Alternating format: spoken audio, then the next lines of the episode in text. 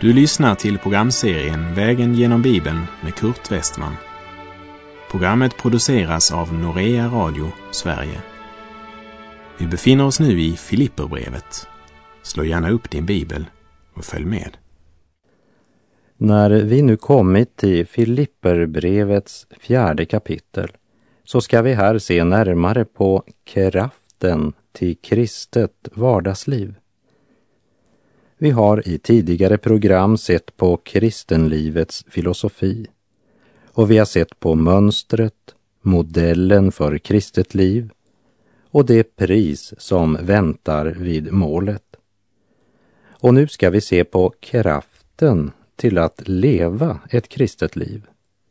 Allt det övriga vi har sett på vore ju meningslöst om det inte fanns någon kraft till just de saker vi nu har nämnt. En livsfilosofi är ju värdelös om det inte finns förutsättning för att omsätta den i praktiken. Ett mönster, en målsättning, är ju meningslös om det inte finns kraft given för att genomföra den målsättningen i våra liv. En segerspris, vad är det för mening med den om ingen kommer i mål?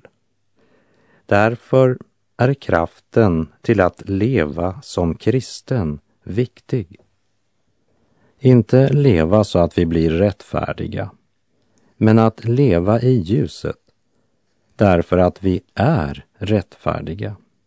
Inte vår egen rättfärdighet, den som kommer av lagen, utan Guds rättfärdighet, den som kommer genom tro på Kristus rättfärdigheten från Gud genom tron. När vi nu börjar vår vandring genom Filipperbrevets fjärde kapitel ska vi upptäcka att glädjen i Gud är kraftens källa. Bön är kraftens hemlighet.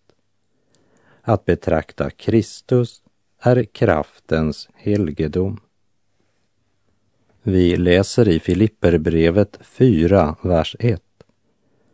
Stå därför fasta i Herren, mina älskade och efterlängtade bröder. Min glädje och min krona, ni, mina älskade. Med risk för att bli tjatig påminner jag också här om att i Herren är ett nyckelord. Genom hela Filipperbrevet märker vi suset just från den vinden. I Jesus, i Kristus, i Herren. Stå därför fasta i Herren. Eller som han uttryckte det i Efesierbrevet 6, vers 13. Ta därför på er hela Guds vapenrustning så att ni kan stå emot på den onda dagen och behålla fältet sedan ni fullgjort allt. Kristen tro skapar stabilitet i livet. Den som får nåd att räkna med Jesu frälsningsverk som grund för sitt liv, han står fast i Herren. Och efter uppmaningen att stå fasta i Herren så kommer Paulus till det enda problemet som nämns när det gäller de troende i Filippi. Filipperbrevet 4, vers 2.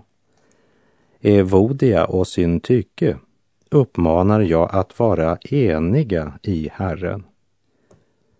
Eftersom Paulus inte nämner det här förrän mot slutet av sitt brev så var det uppenbart inte något stort problem. Kanske låg det på det planet att de inte längre pratade med varann.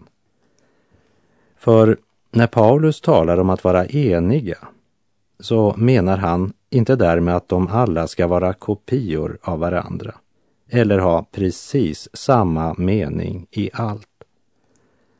De kan ha olika meningar om många saker utan att det splittrar två personer som är eniga i Herren. För just det är ju det underbara med Kristi kropp. Varje lem kan vara annorlunda och ändå är vi alla ett i Kristus om det verkligen är i Kristus vi lever. Vi läser vers 3. Ja, också dig, trofaste medarbetare, ber jag. Hjälp dem som har kämpat med mig i evangeliets tjänst tillsammans med Klemens och mina andra medarbetare som har sina namn i Livets bok. Ja, också dig, trofaste medarbetare, ber jag. Kunde också ha varit översatt. Ja, jag ber också dig, du som med rätta blir kallad synsygus. Kom dem till hjälp, för de har kämpat med mig för evangeliet. Synsygus betyder kamrat eller medhjälpare. Du som med rätta kallas synsygus, eller som folkbibeln översatte, dig trofaste medarbetare.